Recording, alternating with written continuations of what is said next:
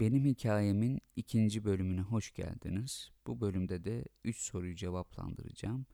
Gelen 3 soru şu şekildeydi. Başarılarınıza ulaşmak için nelerden taviz vermeniz gerekir? Yurt dışı vatandaşlığınız var mı? Neden yurt dışında kalmadığınızda Türkiye'de çalışıyorsunuz?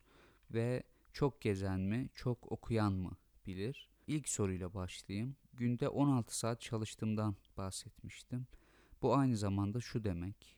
Aileyle, kendinle, eşle, dostla geçirilecek zamanın azalması. Yani özel hayatın büyük ölçüde yok olması, e, lise son sınıftan itibaren düzenli bir e, ilişki yapamamak bence e, önemli bir fedakarlık. Bu sene babaannemi kaybettim.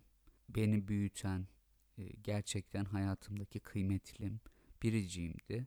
Şu 7 senede yaptıklarımı hiç yapmasaydım da babaannemle daha çok vakit geçirseydim e, diyorum tabii. Ama e, hayatın akışı böyle işlemiyor maalesef. Çünkü biliyorum ki o da benim başarılı biri olmamı istiyor. İkinci soruya geçecek olursam e, yurt dışı vatandaşlığı konusunda ve neden Türkiye'ye e, gelip çalışmaya burada devam ettiğim konusunda ben Türk'üm ve e, Türkiye Cumhuriyeti vatandaşı olmaktan gurur duyuyorum. Aynı zamanda da dünya vatandaşıyım. Dünya vatandaşı olmak için e, her yaşadığınız yerden pasaport almanız gerekmiyor.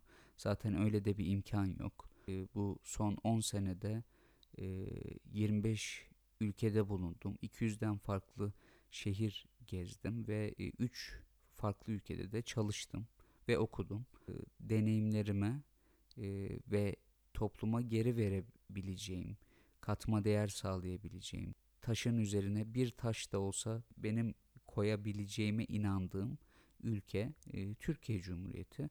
Dolayısıyla e, şu anda buradayım. E, üçüncü soru da şu şekildeydi. Çok gezen mi, çok okuyan mı bilir? Gezerken okuyan yani e, deneyimleyen öğrenir. Sadece deneyimleyeyim diye her şeyi yapmak e, demek değil bu. Deneyimlerden ders çıkaran öğrenir. İngilizce'de reflection denir. Öğrenmek için bu çok kritiktir. Çünkü asıl demlenme, bilgiyi süzme ve sindirme bu aşamada başlar. Üzerine düşünmek e, çok önemli bu yüzden. Ben yolculuk sırasında okumayı, çalışmayı ve müzik dinlemeyi çok severim. Sohbet etmeyi de severim. Bu şekilde hem yolculuk e, daha keyifli geçer hem de e, bilgi kanalları açılır, genişler. Yolculuk sırasında hiçbir şey yapmadan seyahat edenler daha çabuk sıkılır ve e, büyük vakit kaybederler. Özellikle benim gibi en az haftada bir seyahat eden biriyseniz uçak, otobüs ya da araba bile kullanırken podcast dinlersiniz. Farklı içeriklerden e, beslenirsiniz. E, 25 ülke gezdim ve 200'den fazla şehire, bazılarına onlarca kez e, seyahat ettim. Bu seyahatlerimin istisnasız hepsinde çantamda bir kitap, kulağımda kulaklık ve bir de küçük not defteriyle kalem görürsünüz. Bu etkili bir zamandır çünkü. Yani e, gördüğünüz bir yerin dönüş yolunda o yerle ilgili birkaç not yazarsınız o yerle alakalı mesela. Öğrenme böyle gerçekleşir.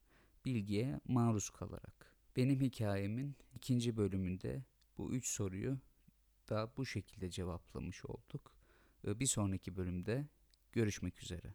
Sağlıkla ve başarıyla kalın.